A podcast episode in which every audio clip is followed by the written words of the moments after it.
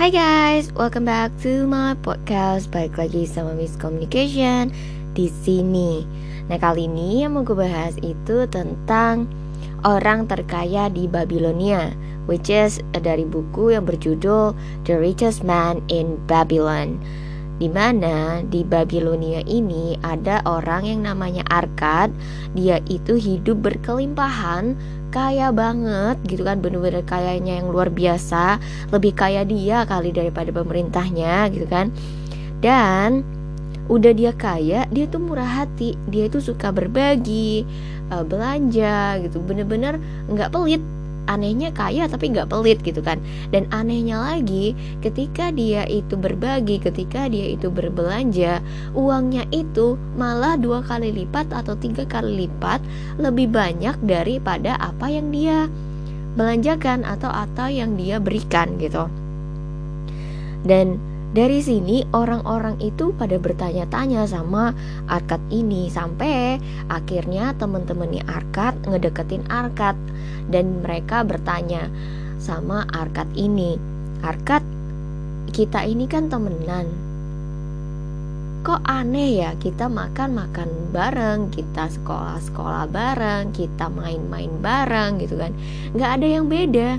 Tapi kenapa kamu itu kayaknya kaya banget Sedangkan kita tuh nggak sekaya kamu atau bahkan miskin gitu kan Untuk beberapa dari temennya dia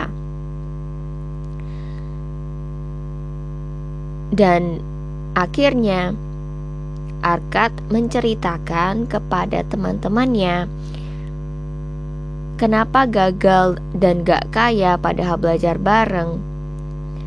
Mungkin bukan gagal kayanya Tapi gagal belajar hukum kekayaan atau tidak mengobservasi Mencari tahu apa sih penyebab kekayaan itu Apa sih kebenaran di dalam kekayaan yang ada karena fickle faith atau iman yang berubah-berubah gitu kan. Kadang A kadang B kadang A kadang B. Jadi prinsipnya itu tuh bisa B bisa A bisa B bisa A gitu kan pelin pelan kan. Itulah yang tidak akan membawa kebaikan pada siapa saja. Yang namanya fickle faith ini imannya kadang A kadang B kadang A kadang B itu yang yang gak bawa hasil gitu. Karena kamu kadang A bisa B kadang B bisa A gitu kan itu juga yang justru malah menghancurkan, bahkan menghancurkan diri sendiri terhadap penderitaan. Jadi kalau misalnya uh, beriman A, ya udah A terus gitu, jangan uh, berubah-berubah gitu kan. Kalau misalnya kita beriman kaya, ya udah beriman aja terus kaya walaupun kiri kanan ngomong nggak bisa kaya lah, nggak mampu kaya lah, apalah apalah apalah gitu kan. Udah nggak usah berubah-berubah, percaya sama yang mempunyai kekuasaan which is God gitu kan. Kalau Tuhan mau berkata apa orang lain mau satu juta orang ngomongin kamu miskin Tuhan mau mengangkat kamu kaya sekarang ya kamu jadi kaya. Itu aja. Selama kamu beriman kamu bisa jadi kaya dan mampu jadi kaya dan kekayaan itu mau digunakan untuk membantu ya banyak orang yang membutuhkan. Dan yang namanya kekuatan kekuatan iman itu tuh luar biasa sekali dan yang namanya kekayaan itu juga merupakan kekuatan. Karena dengan kekayaan kita bisa melakukan segala sesuatu dan yang namanya semua hal itu bisa menjadi mungkin.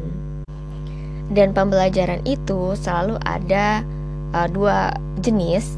Yang pertama, seseorang belajar dan mengetahui pada akhirnya, dan yang kedua, melatih diri, melatih pikiran, dan bagaimana caranya menemukan apa yang tidak kita ketahui dengan bertanya dan mencari tahu, atau dengan belajar dan akhirnya tahu.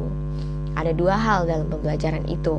Yang pertama, dengan belajar jadi tahu, dan yang kedua, dengan melatih diri dan bertanya dan mencari tahu, akhirnya tahu. Yang satu diberikan, yang satu mencari tahu sendiri. Dan Arkad menjelaskan bahwa dia bisa menjadi kaya itu bukan sekonyong-konyong kaya, enggak. Dia jadi kaya juga berdasarkan pembelajaran yang di mana dia ini adalah jenis yang kedua. Dia melatih diri, bertanya, berpikir, mencari tahu dan mendapatkan. Dan dia mendapatkan pembelajaran tentang kekayaan itu dari Algamis.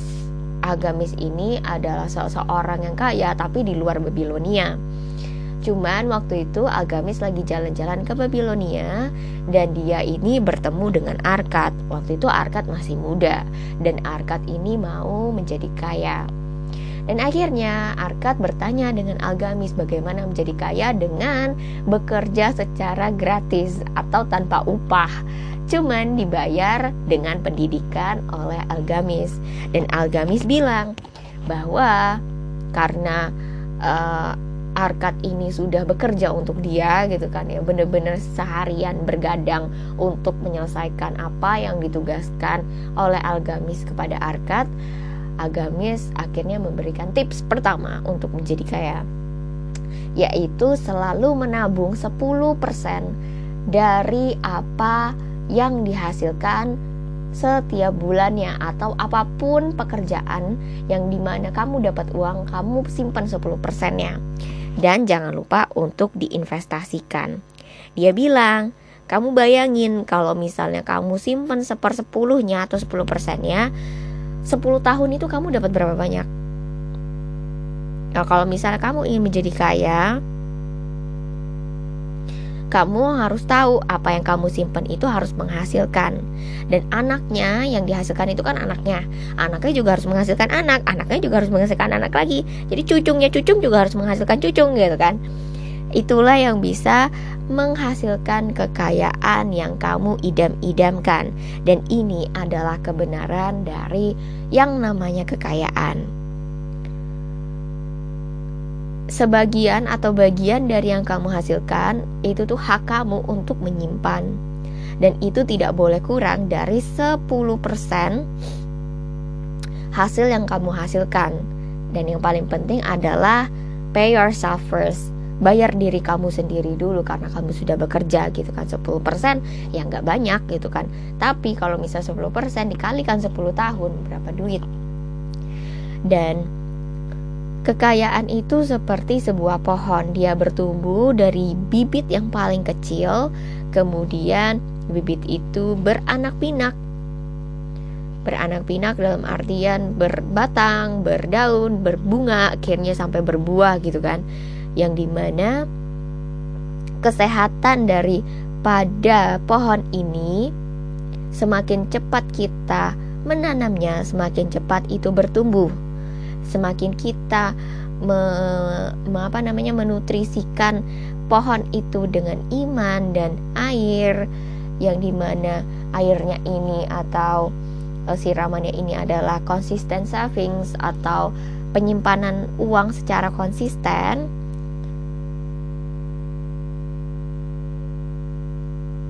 maka semakin cepat juga kita akan memenuhi apa yang kita inginkan.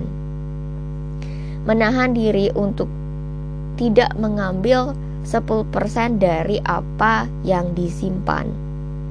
Dan Arkad belajar dari Algamis untuk menginvestasikan apa yang dimiliki, kemudian menganakpinakan hasil simpanannya itu membuat um, apa pasukan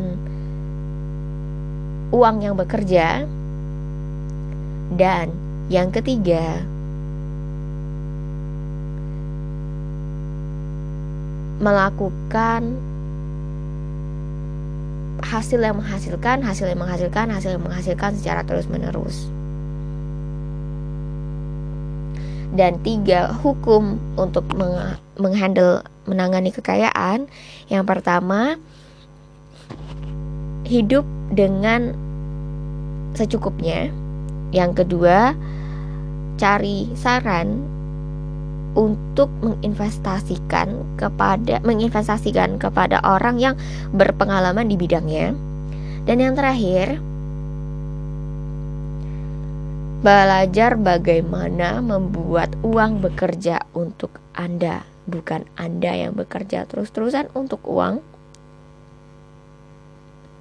tapi uang yang bekerja keras untuk Anda. Opportunity is a haughty goddess who wastes no time with those who are unprepared. Jadi yang namanya kesempatan itu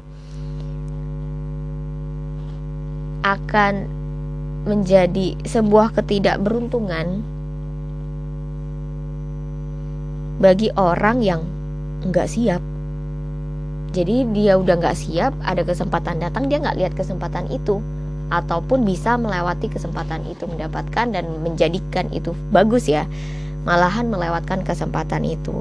Padahal di dalam setiap kehidupan yang namanya kita masih bernafas kita masih bisa bekerja kita itu bisa mencari tahu tentang kebenaran-kebenaran yang di mana kebenaran ini bisa kita gunakan untuk membantu banyak orang melihat bahwa Tuhan itu baik, Tuhan itu pengen kita baik juga, Tuhan itu pengen kita kaya juga, Tuhan itu pengen melihat memperlihatkan kepada kita bahwa kita itu bisa mendapatkan apa yang kita inginkan selama kita percaya, yakin, fokus, dan berterima kasih kepada yang empunya, which is God. Karena Tuhan ini memberikan kita kekuatan untuk melihat apa yang baik dengan belajar kebenaran-kebenaran dan hukum dan cinta kasih dan saling mengasihi satu sama lain dan menghargai diri sendiri. Dengan begitu, kita belajar untuk hidup di dalam kebenaran which is it's the power of the truth from universe and the God itself jadi itu benar-benar kebenaran yang dari dunia dan Tuhan. Karena Tuhan yang menciptakan dunia dunia itu juga punya hukumnya. Bukan hanya pemerintah tapi dunia juga. Nah hukum dunia ini nggak bisa dilihat oleh orang. Hal ini hanya bisa dicari tahu diyakini dan dilakukan. Dan itu akan menciptakan kebenaran pada waktunya. Jadi bukan sekonyong-konyong langsung benar, enggak. Itu perlu proses dan itu akan terlihat pada waktunya. Terbayarkan pada waktunya. Sama seperti kita ingin uang, kita perlu bekerja dulu, bukan? Nah, itu juga yang uh, berlaku sebagai hukumnya dunia. Ketika kita ingin punya harapan, kita harus bekerja sesuai hukum yang ada bekerja sesuai hukum yang ada ini, berarti kita perlu tahu hukum apa untuk mendapatkan apa. Kalau kita berharap aja kita nggak bekerja sesuai hukumnya, jadi bukan hanya bekerja ya, bekerja sesuai hukumnya, kebenaran yang ada, baru kita bisa dapat hasilnya. Kalau misalnya berharap aja tanpa bekerja nggak dapet, berharap dan bekerja tanpa mengetahui hukum yang benar juga nggak bisa juga gitu. Mungkin ada yang bisa, tapi nggak 100% semua orang bisa. Karena jika kita mau lebih cepat untuk mendapatkan sesuatu, ya berharap, beriman, berdoa, bekerja, dan melakukan sesuai hukum dunia. Dan semuanya itu perlu yang namanya persiapan, termasuk untuk menjadi kaya. Dan yang namanya kekayaan itu akan bertumbuh di mana pun orang menghasilkan energi yang namanya orang kaya ketika dia menghasilkan uh, ingin membangun istana semua pekerjanya itu pasti akan dibayar kan? Dan yang namanya uang uang itu bertumbuh secara ajaib dan tidak ada orang yang bisa meramal batas uang tersebut. Selalu ingat bagian dari saya yang saya hasilkan adalah hak saya untuk saya simpan. Dan ini perlu ditekankan kepada pikiran kita secara ulang-ulang agar itu terserap di subconscious mind kita bahwa kita perlu membayar diri kita terlebih dahulu atas apa yang kita kerjakan. Dan kita perlu menginvestasikan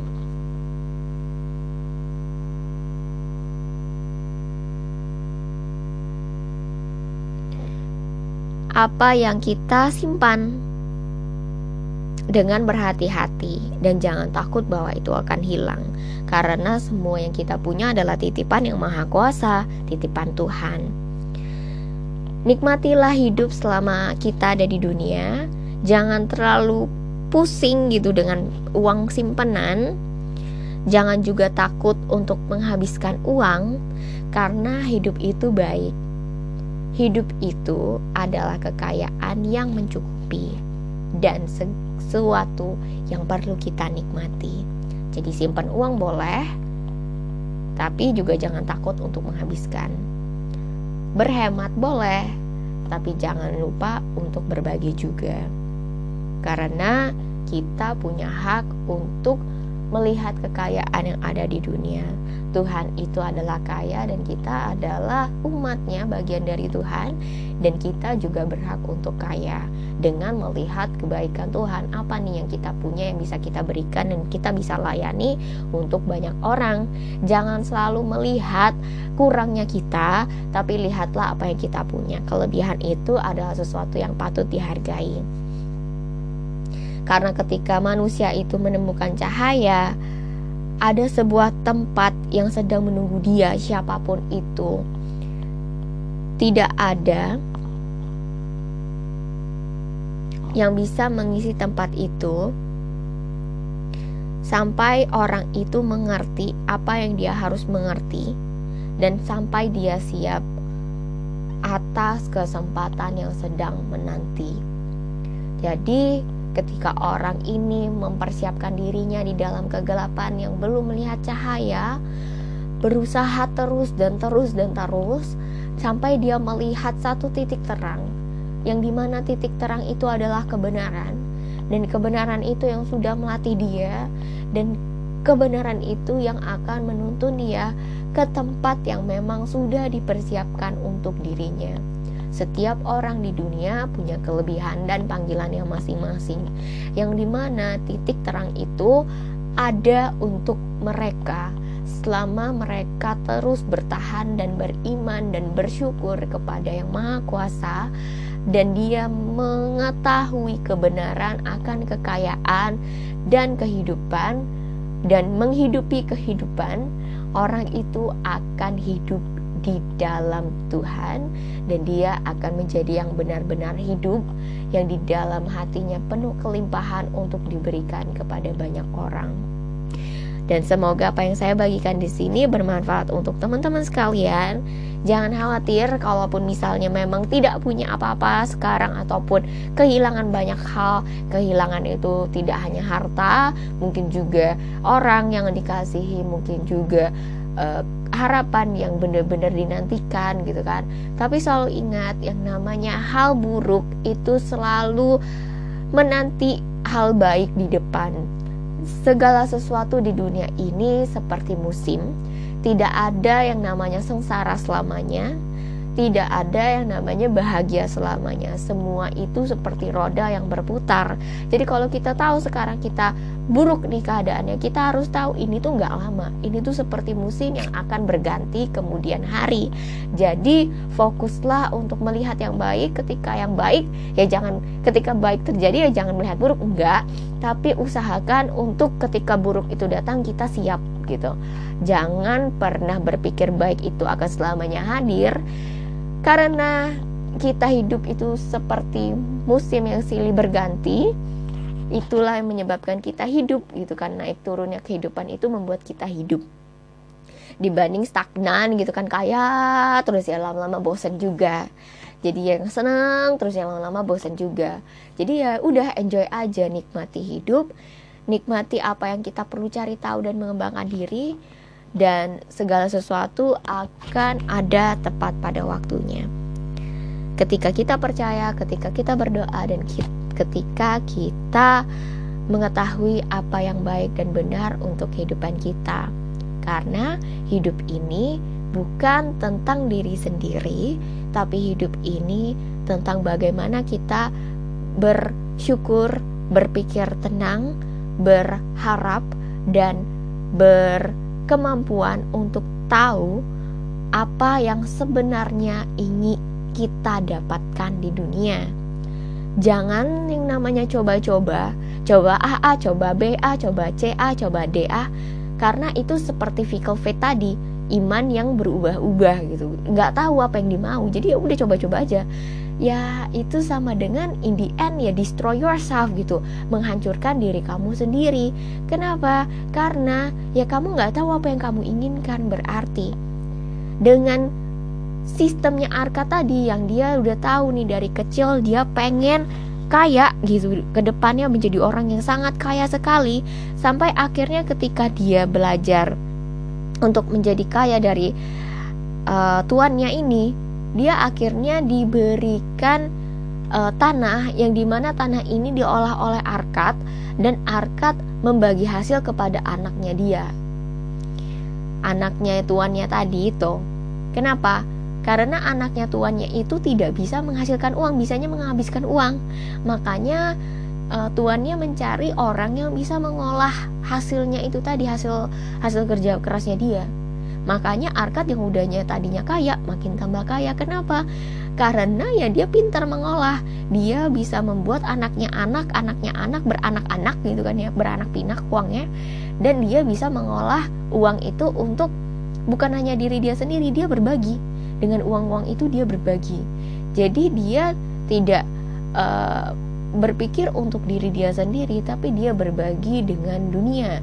Dia berbagi dengan orang-orang. Dia bahkan berbagi dengan teman-temannya yang di mana pada akhirnya teman-temannya itu ada banyak yang berkomentar sebagian berterima kasih tapi tidak melakukan, sebagiannya itu malah kondem, malah envy gitu kan. Ya iyalah kamu kayak orang kamu dapat uh, warisan dari tuannya kamu. Ya iyalah kamu kaya orang kamu uh, bekerja simpen uang terus ya pantesan kamu kaya. Ya iyalah kamu kaya ya kamu berbagi. Nah yang orang kedua ini sudah tidak berterima kasih gitu kan. Sudah diceritakan itu ilmu yang sangat berharga malah kondem nah yang namanya kondem vonis ini yang namanya iri hati itu yang akan memotong rejeki mereka sendiri sebenarnya dan yang ketiga orang yang sudah mendengarkan cerita dari Arkad, mereka malah e, mempunyai harapan, mata mereka bersinar-sinar, terinspirasi dan mulai mencoba apa yang Arkad katakan. Dan dari ketiga orang ini kita bisa tahu yang namanya sebuah kebenaran, sebuah ilmu ataupun sebuah e, pendapat terkait itu baik atau buruknya setiap orang punya pandangan mereka sendiri-sendiri dan itu adalah pilihan mereka. Kita tidak uh, perlu memaksakan. Karena apa? Karena itu juga yang akan mereka hasilkan. Kita tahu kita pengen mereka baik, tapi menurut mereka itu bukan yang baik untuk mereka ya udah silahkan gitu, silahkan mencoba, silahkan untuk terus melakukan kehidupan yang tidak berubah gitu. Karena ya dengan kita tidak berubah, tidak ada hasil yang bisa berubah juga. Dengan kita mau belajar berubah dan melakukan perubahan sesuai dengan hukumnya, ya kita akan merasakan perubahan itu sedikit demi sedikit dengan catatan kita berubah tidak untuk diri sendiri tapi membantu orang lain, membantu orang banyak, membantu menginspirasi orang sekitar. Karena dengan begitu kita tahu kalau misalnya Tuhan sebenarnya mau membuat hidup kita itu baik dan benar selama kita tahu apa yang benar-benar kita inginkan dan jangan ada yang namanya fickle faith atau plain plan atau prinsip yang berubah-ubah atau iman yang berubah-berubah. Karena ini yang akan benar-benar menghancurkan kita sendiri. Sampai akhirnya benar-benar kita tuh capek sendiri dan akhirnya ya menyalahkan yang lain gitu. Padahal sebenarnya yang salah bukan orang bukan Tuhan tapi kita. Yang kita tuh nggak tahu kita tuh maunya apa. Sama sekali nggak tahu kita tuh maunya apa So, sampai sini semoga apa yang gue berikan bisa menginspirasi teman-teman sekalian. Thank you so much for listening and I hope you have a great day.